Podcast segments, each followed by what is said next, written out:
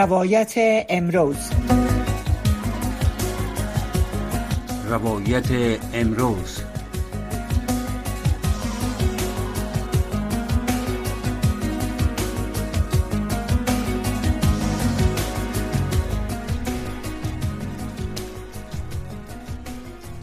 شنوندای عزیز رادیو آشنا صدای امریکا سلام و وقتتان بخیر. امیدوارستم در هر کجایی که هستین صحت و سلامت باشین و از گزند روزگار در امان باشین. باز هم روز دوشنبه است و برنامه روایت امروز و ما فرخنده پیمانی در نیم ساعت آینده میزبان این برنامه هستم. در این برنامه البته مهمانان گرامی هم داریم.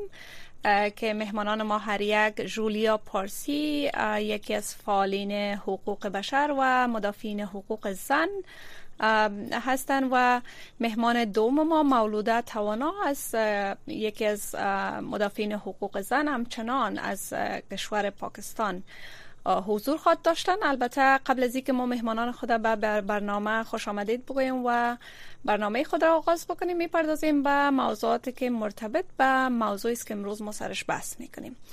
البته همزمان با فرارسیدن هشتم مارچ که قرار است روز چهارشنبه در سراسر جهان تجلیل شود روز بین المللی زنان برخی از فعالان حقوق زن در کابل از ادامه محدودیت های طالبان بر آنان ابراز نگرانی کرده و میگن که زنان و دختران در کشور فدای مسلحت های سیاسی شدند.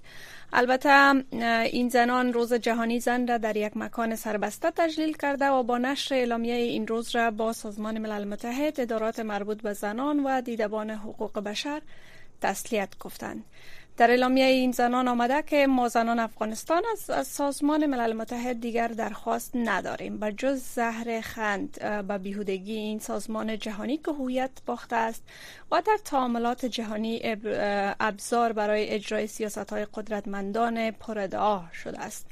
خب این زنان در حقیقت در اعلامیه که به نشر رساندن بیشتر خشم خود را بالای سازمان های جهانی و البته کشورهای جهان ابراز کردن و در حقیقت شکایتشان از این بوده که کشورهای جهان بر مردم افغانستان مخصوصا زنان افغانستان کار انجام نمیده.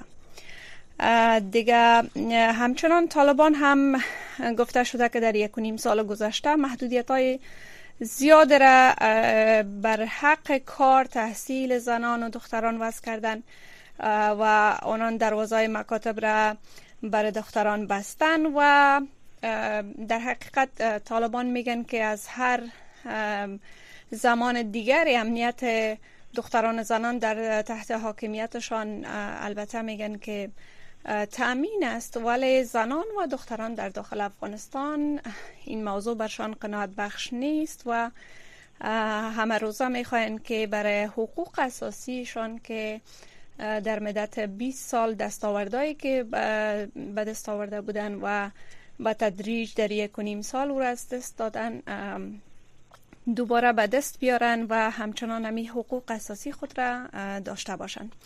خب در همین رابطه مهمانان گرامی خود را به برنامه خوش آمدید میگیم و از خانم جولیا پارسی می‌پرسیم که در این آستانه فرارسیدن هشت مارچ یا روز جهانی زن شما چی حس دارین؟ در این مدت که البته در این مدت یک و نیم سال که بیشتر حقوق اساسی زنان در افغانستان البته نقص شده و قرار گزارش ها بیشتر زنان از ارزهای اجتماعی در افغانستان کم رنگتر شده و کم شده حضورشان.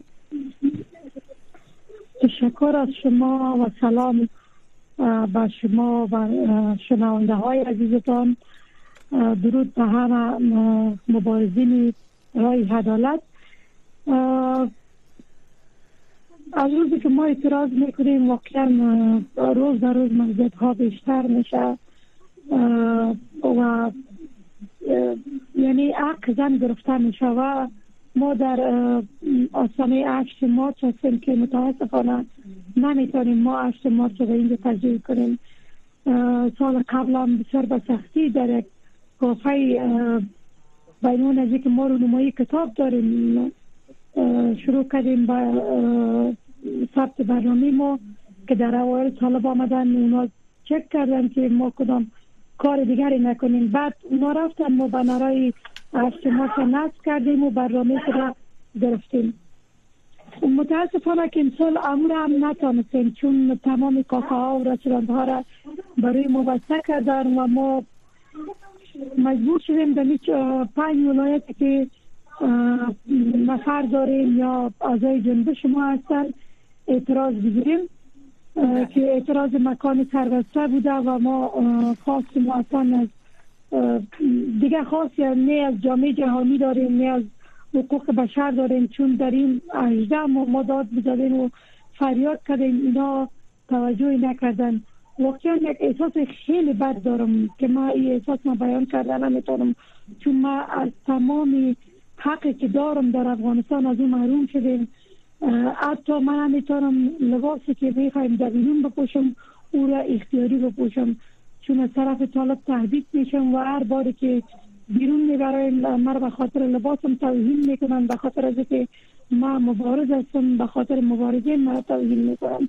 به این دلیل من هیچ احساس خوبی ندارم بالکل از افغانستان و از این که در افغانستان یک زندگی دوباره بیا ما ناامید هستم خب از خانم توانا می‌پرسیم که اونا چگونه در بیرون از افغانستان خواستن که به این روز جهانی زن را در حال تجلیل بکنن که تقریبا بیشتر از یک نیم سال از حاکمیت طالبان بر افغانستان میگذره و همگی مردم افغانستان شاهد محدودیت های زیاد مخصوصا زنان افغانستان در حقیقت دستاوردهای 20 سال گذشته که تمام در حقیقت حاصل پشتکار تلاش و زحمت کشی خود زنان بود او را تقریبا از دست دادن.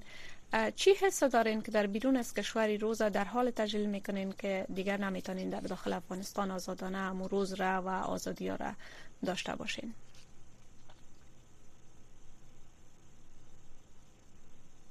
فارسی عزیز و شنونده بزرگ شما.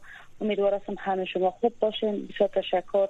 دقیقا ما در آستانه تجلیل از 8 مارچ هستیم و متاسفانه این دومین مارچ است که ما در تحت حاکمیت گروه طالب زنان از ابتدایی ترین حقوقشان محروم و به شدت محکوم شدن و متاسفانه جامعه جهانی بخصوص نهادهای حقوق بشری با طالب شدن و اصلا در مورد نقض حقوق زنان و مواردی که زنان از جامعه حذف میشن پاسخگو نیستند و ما همیشه دیدیم از آدرس های متفاوت که فقط در حد اعلامیه صادر کردن. گرچه من از بحث دور نشم. در آغازین روزهایی که متاسفانه حکومت از هم پاشید و متاسفانه طی یک معامله بسیار منگین و شرماور مردم بیچاره و مظلوم بخصوص زنای مظلوم افغانستان در میدان ماندن و همگی فرار کرد. اولین کسایی که در جاده ها بلند شد امی زنا بودن و ما امروز مدیون امی خانما هستیم که باعث شدن که طالب به رسمیت شناخته نشود و اینا با خواهی به خاطر نان آزادی کار شعار دادیم با همه ما به جاده ها ریختیم ابتدای آغاز مبارزات ما از جاده های کابل آغاز شد و خوشبختانه تا امروزه ادامه داره و من با واسه که مجبور شدم به ترک وطن دیگه هیچ گزینه‌ای نداشتم با واسه تمام تهدیدات به هر خود تا یک قسمت رساندم همینجا هم مسئولیت انسانی و وجدانی خود داشته. چندین اعتراض و برنامه های داشتیم و اعتراضات خود نموندیم که خاموش و گرچند حال و هوای دل هیچ کس ما متاسفانه در همچون وضعیت خوب نیست. من حس می‌کنم وقتی که بی وطن بودی در آسایش آنچنانی هم که باشی بالاخره یک مهاجر بیش نیستی.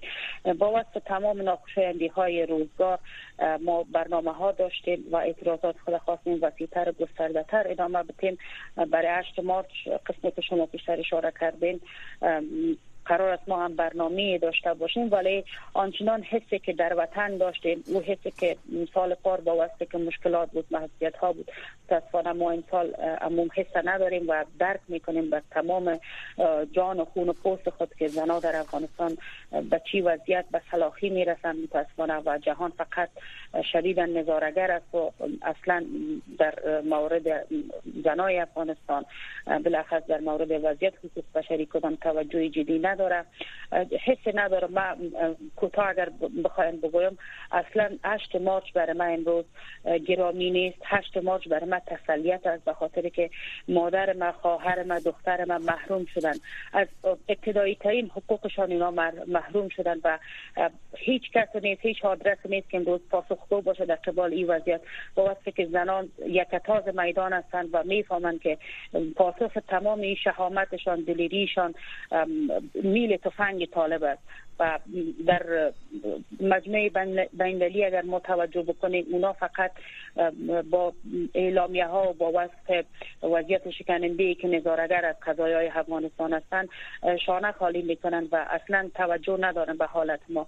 و قسمی که خانم پارسی در صحبتش اشاره کرد ما اصلا توقع و تمنای از گروه تروریستی طالب و حامیانش نداریم.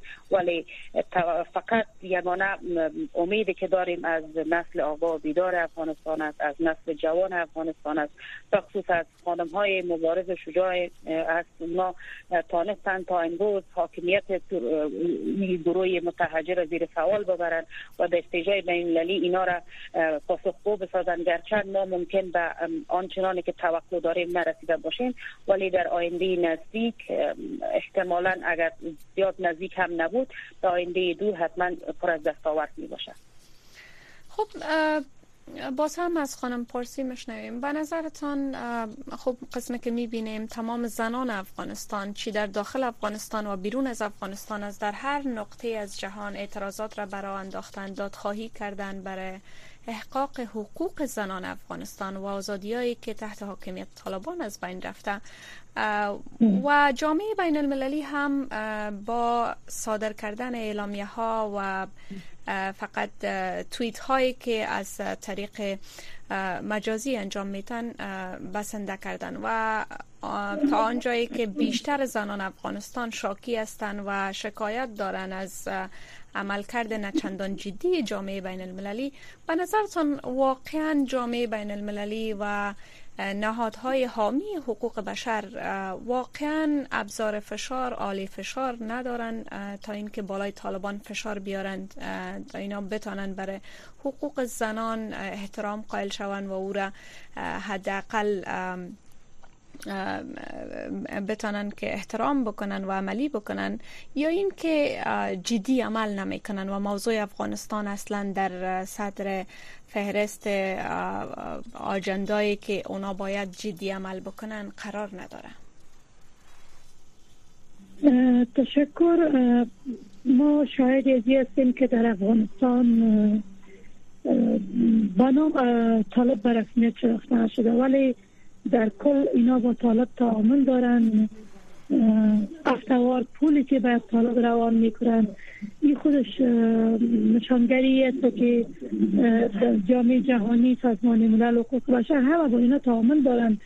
حتی انس حقانی یکی از تروریست است که در بلک لیست است. ولی او می‌تونه که به کشورهای خارج سفر کنه. بدون ترس و لرز اینجا خودش نمایندگی است که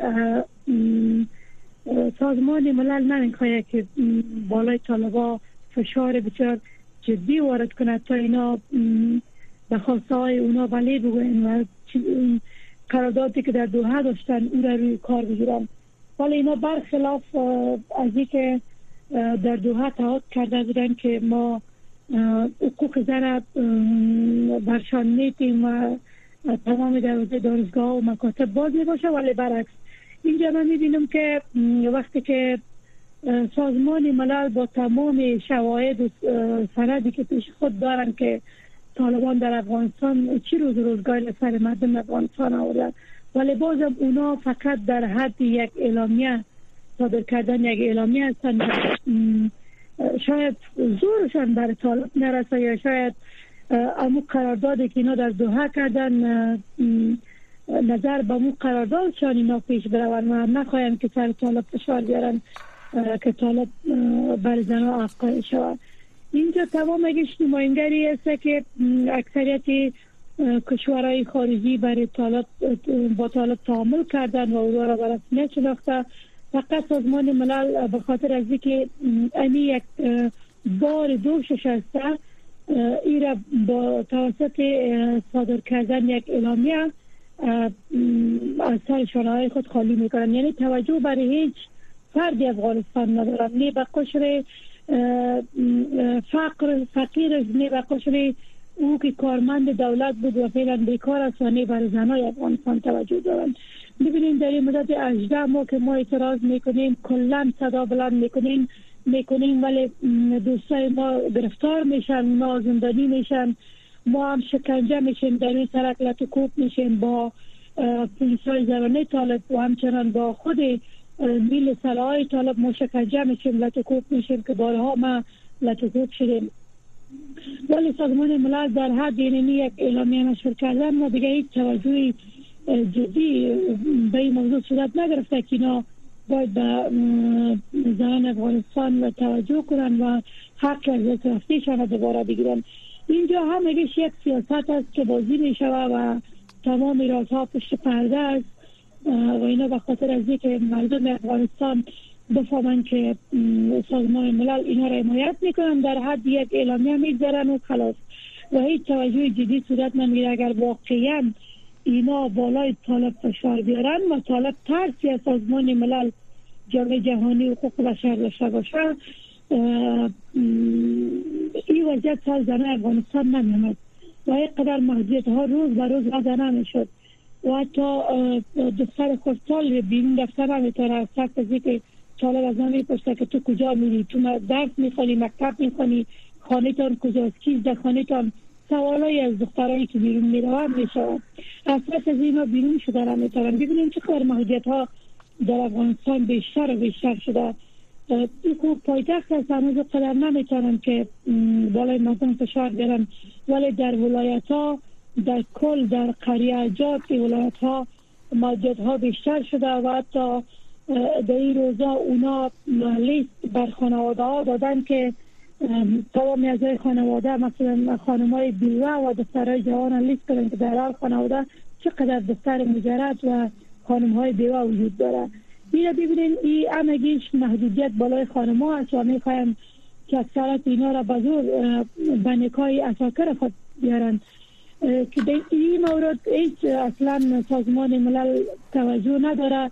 ای که نظامیان رو هر روز باور کنیم که روز دو سه تا از نظامیان به بهانهای مختلف کشته بشه اونا گرفتار میشن سه روز بعد جنازی از اونا بر خانواده تحویل میشن یکی یک بزرگترین جرم هایی است در افغانستان جریان داره. و قتل عام مردم است که یک بشر در حال از بین رفتن و قتل شدن است. ولی سازمان ملل و حقوق بشر که. وظیفه اصلی اینا است که باید به این توجه کنن که توجه نمی‌کنن خب به نظرتان البته سوال متوجه خانم مولوده توانا میشه. به نظرتان دلیل این که جامعه جهانی و نهادهای حامی حقوق بشر توجه جدی نمی‌کنن به نظرتان چی هست؟ آیا دلایل این که توجه جهان بیشتر به جنگ اوکراین معطوف شده این است یا این که موضوع افغانستان دیگر برشان دلچسب نیست و حتی توجه به نقض حقوق بشری هم نمی کنن. آیا واقعا فکر می کنن که این نقض حقوق بشری در محدودی افغانستان باقی میمانه و که ترس از آینده این که مبادا طالبان سرایت بکنن و کشورهای دیگر در سرشان وجود نداره تشکر سلامت.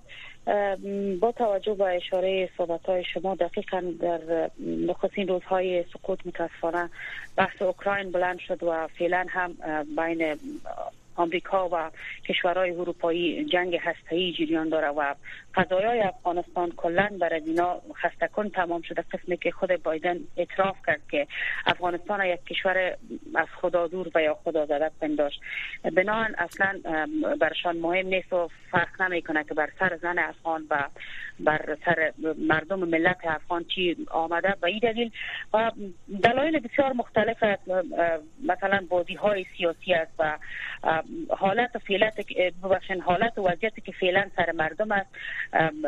فکر کنم یگانه حامی در داخل خود افغانستان جز مردم برای حمایت از مردم هیچ کس دیگه نیست. و امریکا هم می‌فهمه که فعلا جنگی که در افغانستان است هزینهش به مراتب کمتر از زمان قبل است و برای مدت. متاسفانه تا جایی که من معلومات دارم ممکن حفظ شود می وضعیت و همی حالت. بنان وضعیت حقوق بشری و خصوص نقض حقوق بشری در افغانستان اگر امیر رقم کشورهای دنیا تصمیم بگیرن که فقط تماشاگر باشن از این بیشتر و از این بدتر ممکن ما با سرنوشت دچار شویم و تا جایی که متاسفانه نشان میده تا یک سال چند ماه اصلا دنیا اگر تصمیم قاطع بگیره در قبال وضعیت حقوق بشری به خصوص زنای افغانستان دیگر ما فکر نکنم کدام مورد نقض حقوق بشر باقی مانده باشه که دنیا متوجه نشده باشه. ولی ما امروزه در افغانستان هیچ چیز دیگه برای از دادن نداریم متاسفانه دخترای ما از مکتب مانده خانمای ما خانه نشین شدن معلمین ما در ترس و وحشت است. یک نسل بیچاره بدبخت ناامید عقده‌ای بار میآید. و درب مکاتب بر روی همه بسته شما فکر بکنین در نسل بعد طالب که ما با چی مردم با چی نسل سر میشیم. ولی اگر دنیا اونا می‌خواستن که متوجه به قضایای افغانستان باشند به نظر من به حد کافی نقض حقوق بشر صورت گرفت. مشکلات گیر دیدن و به چشم سر دیدن. ولی متوجه در معاملات خود اینا که ماهوار استوار بر اینا پول روان می‌کنه. خودش برگ نه بر ما نشان میده که از یک طرف اینا و نمی‌خواین که با مردم باشن. دیگه از این بدتر و فکر نکنم شکننده تر وضعیت که تا دنیا متوجه شد و ما امروزه هیچ چیز دیگه متاسفانه برای از دست دادن نداریم. زنا در حس خانگی به سر می‌برند حالت و وضعیت بسیار بغرنج است. و بدبختانه که هیچ هیچ نهادی و یا هیچ کشور برای مردم افغانستان در قضایای افغانستان جدی برخورد نمی کنند اگر ما توجه بکنیم بر سفرهای نمایندای سازمان ملل و حتی نمایندای کشورها که آمدن به خاطر بررسی حالت و وضعیت از مردم توجه بکنن. ولی ما دیدیم که بدبختانه اینا به جایی که برن با مردم آسیب, آسیب دیده کسایی که نظامی ها هستن خبرنگاران بشر, بشر هستند معترضان هستند اینا به جای دید و دید با اینا مشکلات از دان مردم بشنوند رفتن با طالبا شیشتن تمام مذاکراتشان با طالب بود مگر طالب کدام چیزی به گفتن داره؟ اونا هیچ گاهی نمی‌خواین که مشکلات خود از آنچه بر سر مردم ظلم ستم که می‌کنن اونا به هیچ گاهی نمیگن. به هر نه متاسفانه امیدواری خیلی کم است در همچون موارد. تکرار می‌کنم به صحبت های پیشترم که فقط ما می‌تونیم امیدوار و توقع ما از خود مردم ملت افغانستان باشه. و خصوص زنای افغانستان که کنند و امی مبارزات در چند من می‌فهمم که بسیار سخت و مشکل است ولی ادامه بتن و تا به روزی که به آزادی برسیم. خب از خانم جولیا پارسی می‌پرسیم.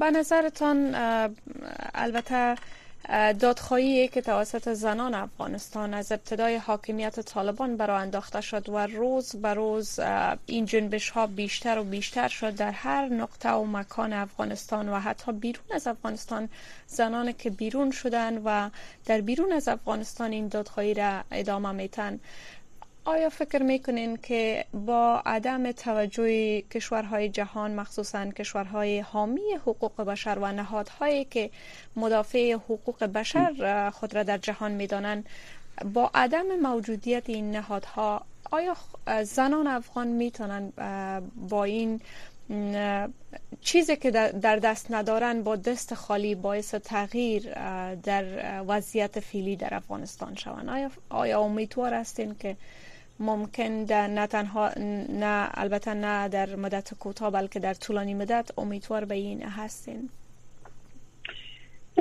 خب وقتی که یک کسی رای مبارزه را پیش می‌گیره این پیش بینی می‌کنه که شاید سالهای مبارزه ادامه پیدا کنه و سالها موفق نشود که با برسه به امو عدالت آزادی برسه. ولی بازم مبارزه می‌کنه. ما کسایی هستیم که 18 ماه است که ما در کابل اعتراض می‌کنیم صدا بلند می‌کنیم. به هر دلیل که شده حتی با شکنجه و زندانی شدن دوستای ما ولی ما رای خود ادامه دادیم. اگر یعنی بیعدالتی در افغانستان باشه و برای زنان افغانستان افزوده نشه و روز به روز زنان از جامعه از شده بروند.